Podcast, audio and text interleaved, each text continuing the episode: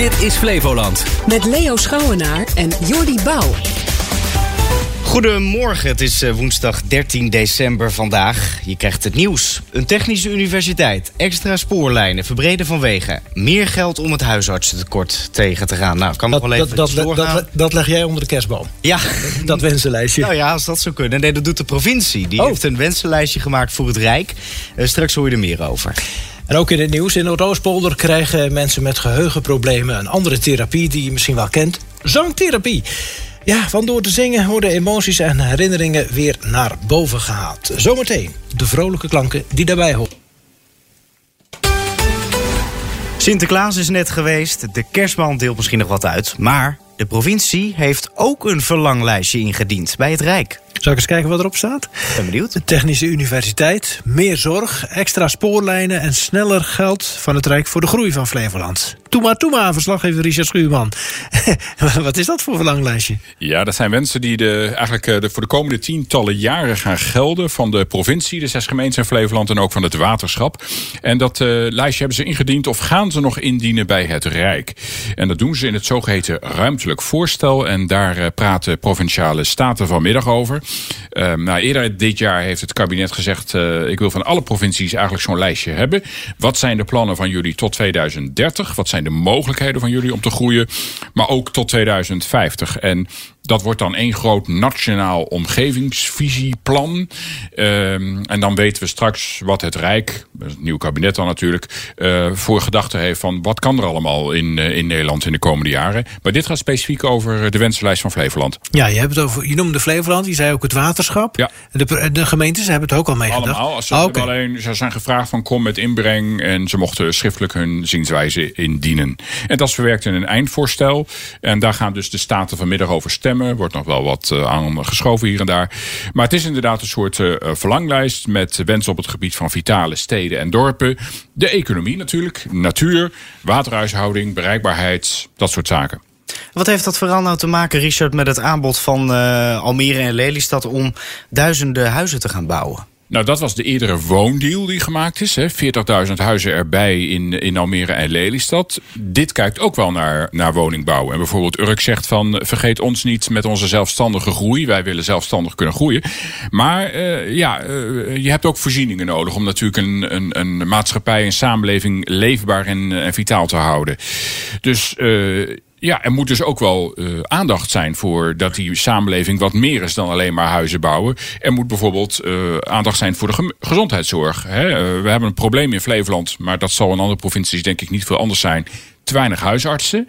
Eh, men vraagt aan het Rijk, help ons met een extra impuls om te zorgen dat wij hier een huisarts naartoe kunnen trekken. En dat ze het ook leuk vinden om in Noordoostpolder te werken. Hè, toch vaak een onbekend gebied. Ehm, maar ja, ook andere zorgvoorzieningen, woonvoorzieningen voor ouderen en, en hulpbehoevenden. Dat zijn allemaal dingen die eh, met Flevoland in de toekomst te maken hebben. Want in de komende twintig jaar gaan we wel vreselijk vergrijzen hier. Ja, die kwamen allemaal toen ze jong waren, nu zijn ze allemaal te Ja, dat gaat in één klap, hè? Ja, En, en, en de jonge generatie dan, eh, Richard? Eh, de scholen bijvoorbeeld, moeten die dan ook ergens nog bij komen? Of is alles overreisd? Nou, scholen, eh, praat meer over onderwijs. We hebben natuurlijk best wel veel scholen. Maar het type onderwijs wat we hebben. We hebben heel veel middelbaar beroepsonderwijs. We hebben ook hoger beroepsonderwijs. Hè. Is erbij gekomen een aantal jaren terug. Maar heel hoog op het lijstje van Almere staat een technische universiteit. Universitair onderwijs. Dat willen ze erbij hebben. Dat, dat trekt een nieuwe categorie studenten. En ja, lift eigenlijk eh, Flevoland een beetje omhoog. Ehm Dronten en Leestad zeggen bijvoorbeeld... wij willen heel graag iets op het gebied van eh, de landbouwonderwijs. We hebben nu Wageningen Universiteit eh, natuurlijk. Maar we zouden het heel fijn vinden als Wageningen zegt... de boerderij van de toekomst, die krijgt hier een definitief plekje. Dus nu een beetje een tijdelijk project. Maar dat zou het landbouwonderwijs versterken.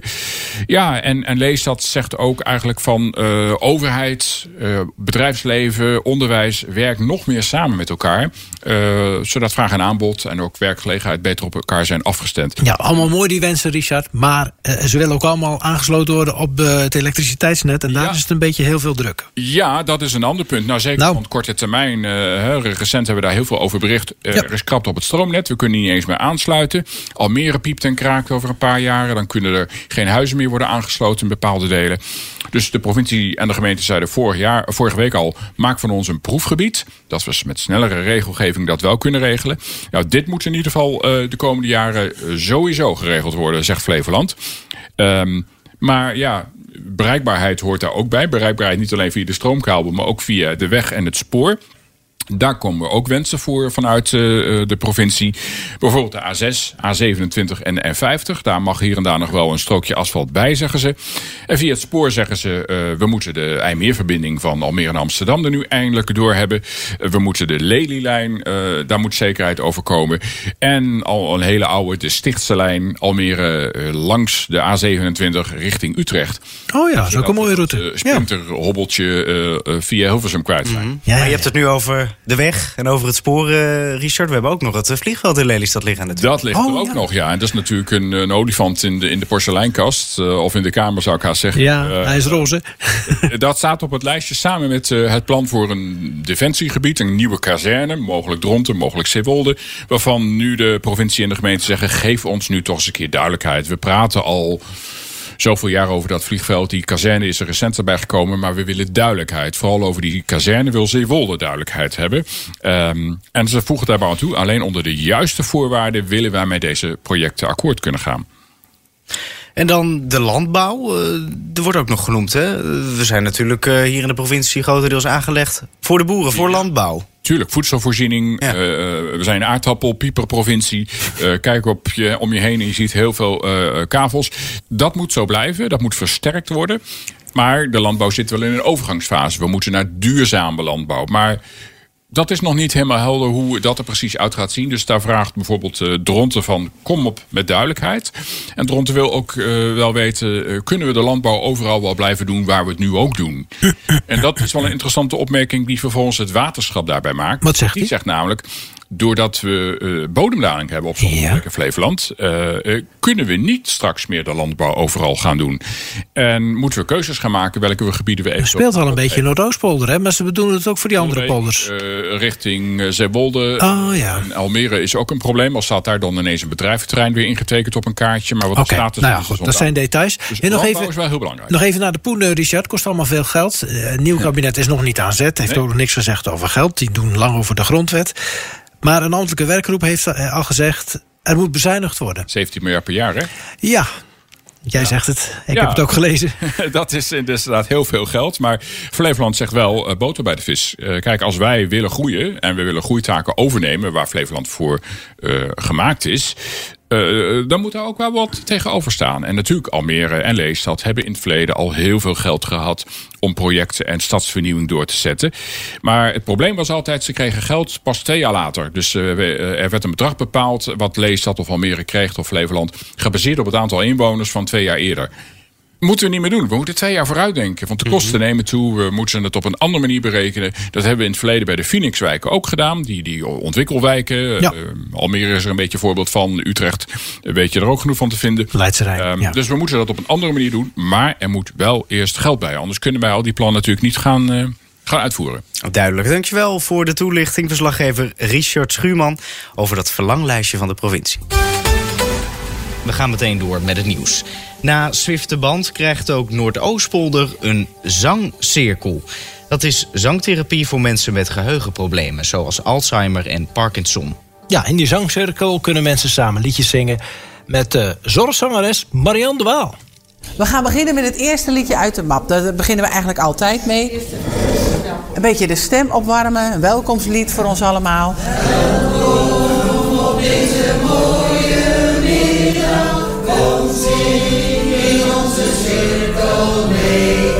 Zingen geeft een soort eh, massage aan je, aan je brein. En als je iets mankeert in je brein, dan is er vaak nog wel heel veel goed. Het zijn vaak eh, mensen die eh, ook heel veel dingetjes in het brein nog goed hebben. En daarmee werken we juist. En door het zingen komt er natuurlijk een klank vrij. En dat geeft een soort massage aan je brein. En dat haalt emoties naar boven, herinneringen naar boven.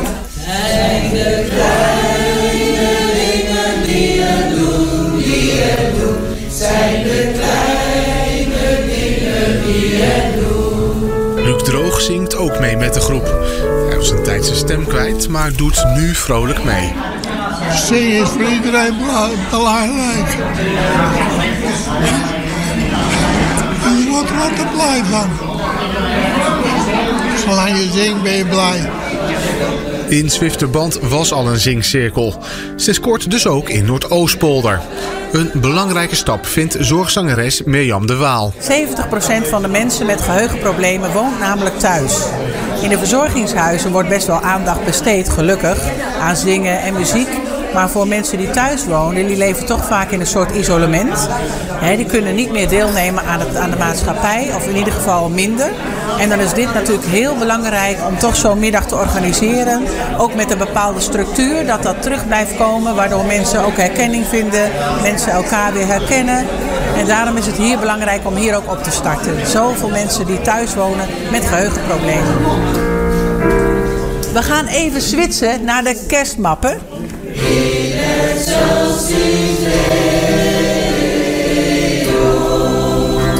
Ter plekke bepalen de zorgzangeres en de groep zangers wat het repertoire van de middag wordt. Vandaag kerst. Vorige keer hebben we nog veel aan Sinterklaas ook besteed. Nu komt de kerst natuurlijk ook. Je gaat ook een beetje mee in de seizoenen. Hè? Voorjaar, zomer, herfst, winter. En eh, daarnaast natuurlijk ook liederen die mensen gewoon zelf aandragen. En laat dat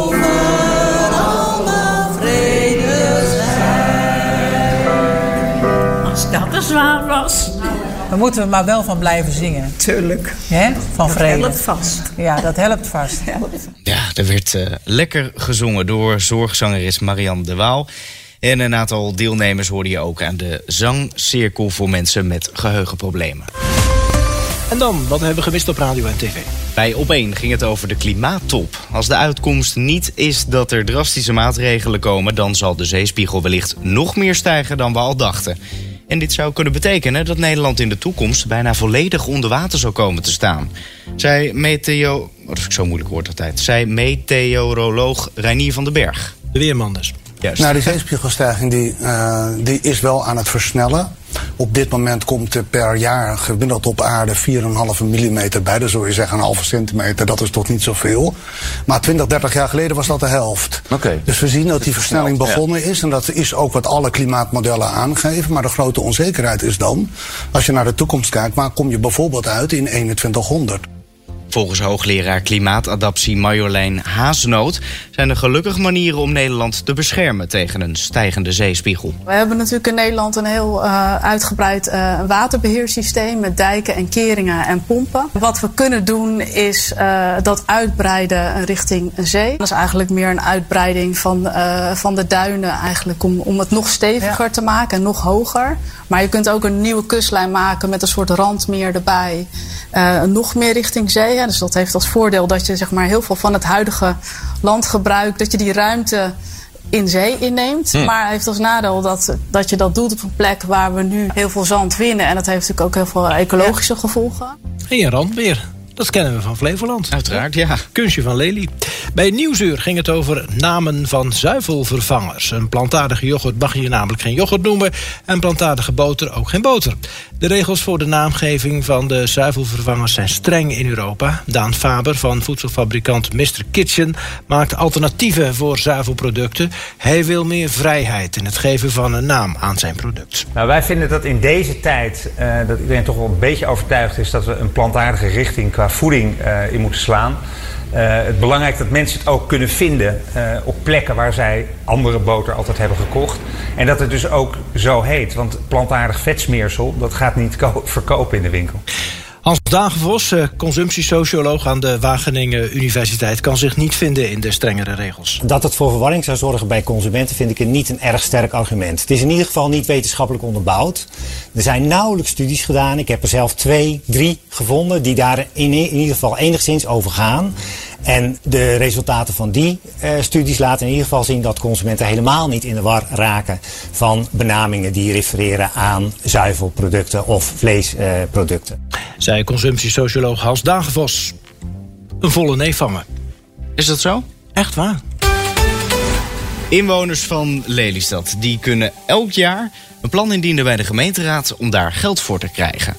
Gaat van een aantal tientjes tot tienduizenden euro's. De ruiltuin in het Bult, Bultpark die kreeg bijna 1400 euro om hun tuinhuis op te knappen. Maar wat is het eigenlijk, een ruiltuin? Nou, je hoort daarover initiatiefnemer Lucas Thijssen. Iedereen kan hier planten brengen die hij wil. En dan kunnen ze ook meteen wat ruilen. En eh, soms wordt er wel geruild, soms wordt er niet geruild. Maar eh, ze kunnen altijd hier terecht daarvoor. Het is eigenlijk een soort asiel voor planten. Eigenlijk wel, ja. Ja, goed woord, ja. Wie is uitgekeken op de planten in zijn tuin kan dus terecht bij de ruiltuin. Vooral in het voorjaar wordt er veel geruild. De stichting wordt gerund door vier vrijwilligers vanuit een tuinhuisje. Maar die mag best wat mooier worden ingericht, vinden ze zelf. Nou, het moet nog ingevuld worden. We hebben het helemaal veranderd. Daarom hebben we een gereedschapsschuur. Vroeger zat hier allemaal het gereedschap in. Daar hebben we een apart huisje voor gemaakt. Dat we hier dus een, nettere ruimte krijgen. Die opgeruimd is. Waar je dus rustig kunt vergaderen. Lekker koffie drinken. Eh, bijeenkomsten organiseren. Dat kan allemaal dan gezellig hier. Hoe moet het eruit gaan zien over, laten we zeggen, een jaar? Nou ja, dan zou je zien, die kasten, dat wordt veranderd. Er komt een mooi aanrecht in. Er komt hier een bibliotheekkast in. En, uh, en, en hier, eh, dat, ja, we hebben hier dan een aanplakwand voor informatie. We krijgen een lees, twee leeshoekjes, één daar en één hier. Het wordt een hele bibliotheek, wordt het? Uh, een beetje wel, ja. Boeken hebben we al, al een heleboel. En om dat allemaal voor elkaar te krijgen, ontvangen de vrijwilligers 1375 euro van de gemeente. Daarvan kopen ze de materialen. Het werk doen ze zelf. Al kunnen ze altijd wel nieuwe vrijwilligers gebruiken. Wat is uiteindelijk uw droom voor de ruiltuin? Wanneer is het af? Nou, eigenlijk is de ruiltuin nooit af. Want dat wisselt iedere keer. En dan gaan er weer planten weg, dan komen er weer planten bij. En er zijn mensen weer die de tuin gaan opruimen. Vooral in het voorjaar is dat heel druk. Dat is eigenlijk het mooie, hè? Dat is prachtig. En iedereen geniet ervan. Iedereen geniet ervan. De woorden van Lucas Thijssen van de Reltuin. Ja, morgen weer uh, aandacht voor een initiatief dat geld heeft gekregen van de motiemarkt van Lelystad. Dan aandacht voor de stichting Voedselbank Gezin en Dier. Dat graag een eigen kantoorruimte wil. Uh, we gaan naar de berichten van buiten Flevoland, Jordi. De Algemene Vergadering van de Verenigde Naties heeft gestemd over een onmiddellijk staakt het vuren in Gaza. Een grote meerderheid van de landen was voor. The result of the vote is as follows 153 in favor, 10 against, 23 abstentions. Draft resolution has been adopted. 23 landen die stemden niet. Ons land was daar één van. Volgens buitenlandminister Bruin Slot was er in de tekst te weinig aandacht voor de aanslagen van Hamas van twee maanden geleden. En ook had volgens hem in de tekst duidelijker moeten staan hoe lang de wapenstilstand duurt. De resolutie is trouwens niet bindend, wat betekent dat Israël die naast zich neer kan leggen. Nederland mag dan in een milde economische recessie zitten. Veel tuincentra merken daar weinig van. Mensen komen massaal af op de kerstshows, ook die in Duiven. Daar kopen mensen steeds vaker ornamenten. Dat zijn van die aparte kerstballen in allerlei vormen en maten. Personal touch die je kunt geven aan een boom, die zit hem niet in een rode bal. Die zit hem in iets speciaals doen met een ornament. Ja, een bruine frikandel. Ja, als uh, je partner dat heel erg leuk vindt. Maar het kan ook een uh, mooie gouden handtasje zijn. De verwachting is dat de winkelomzet deze maand stijgt naar ruim 15 miljard euro. 5% meer dan vorig jaar. Ik heb ook zo'n ornament gezien. Eh, dat was met een Gezien, niet gekocht? Nee, niet. Nou, dat is het. Want het kostte 15 euro voor één zo'n ornament. Ja, oh? Als je dan een paar leuke dingen in je kerstboom wil, dan ben je fortuin kwijt. Elk jaar wat, hè? Ja, ja. Kan ook. Dat, uh, maar ja, goed. Volgend jaar. Het moet eerst uh, mooi zijn. Als ik die beschrijvingen zo hoor, dan denk ik, mooi. Laat maar. De politie is nog op zoek naar de verdachte van een ontvoering in Egmond aan Zee, meldt het programma Opsporing Verzocht. Een man uit Beverwijk werd vorige maand in een woning geschopt en bedreigd. En ook moest hij zijn spullen afgeven. Daarna werd hij naar een flat in Delft gebracht. Daar wist hij te ontsnappen. Maar het is nog niet duidelijk waarom hij daar was, zegt de politie. We weten bijvoorbeeld ook niet wie hem in Delft wilde spreken en waarom. Ze wilden hem brengen naar een flat in Delft aan de Poptenhof Noord. Een slachtoffer zelf heeft ook geen idee wie de mannen waren en waarom ze nou juist hem moesten hebben. De verdachten die de politie zoekt zijn drie mannen en een vrouw. En ook willen ze getuigen van de ontvoering spreken. En dat waren ze, de berichten van Buiten Flevoland. December is de tijd van cadeautjes. En ook dit jaar delen wij de inmiddels beroemde en geliefde kerstpakketten uit. Je kent vast wel iemand die zich heeft ingezet voor iets om ons heen. Of iemand die het de laatste tijd moeilijk heeft gehad. Laat ons weten wie en vooral waarom deze persoon het Omroep Flevoland kerstpakket verdient. En wie weet komt die persoon in een van onze uitzendingen. En gaat hij genieten van een prachtig kerstpakket. Kijk op onze website omroepflevoland.nl voor meer informatie. Oh, en je hebt nog tot en met 13 december de tijd om iemand op te geven.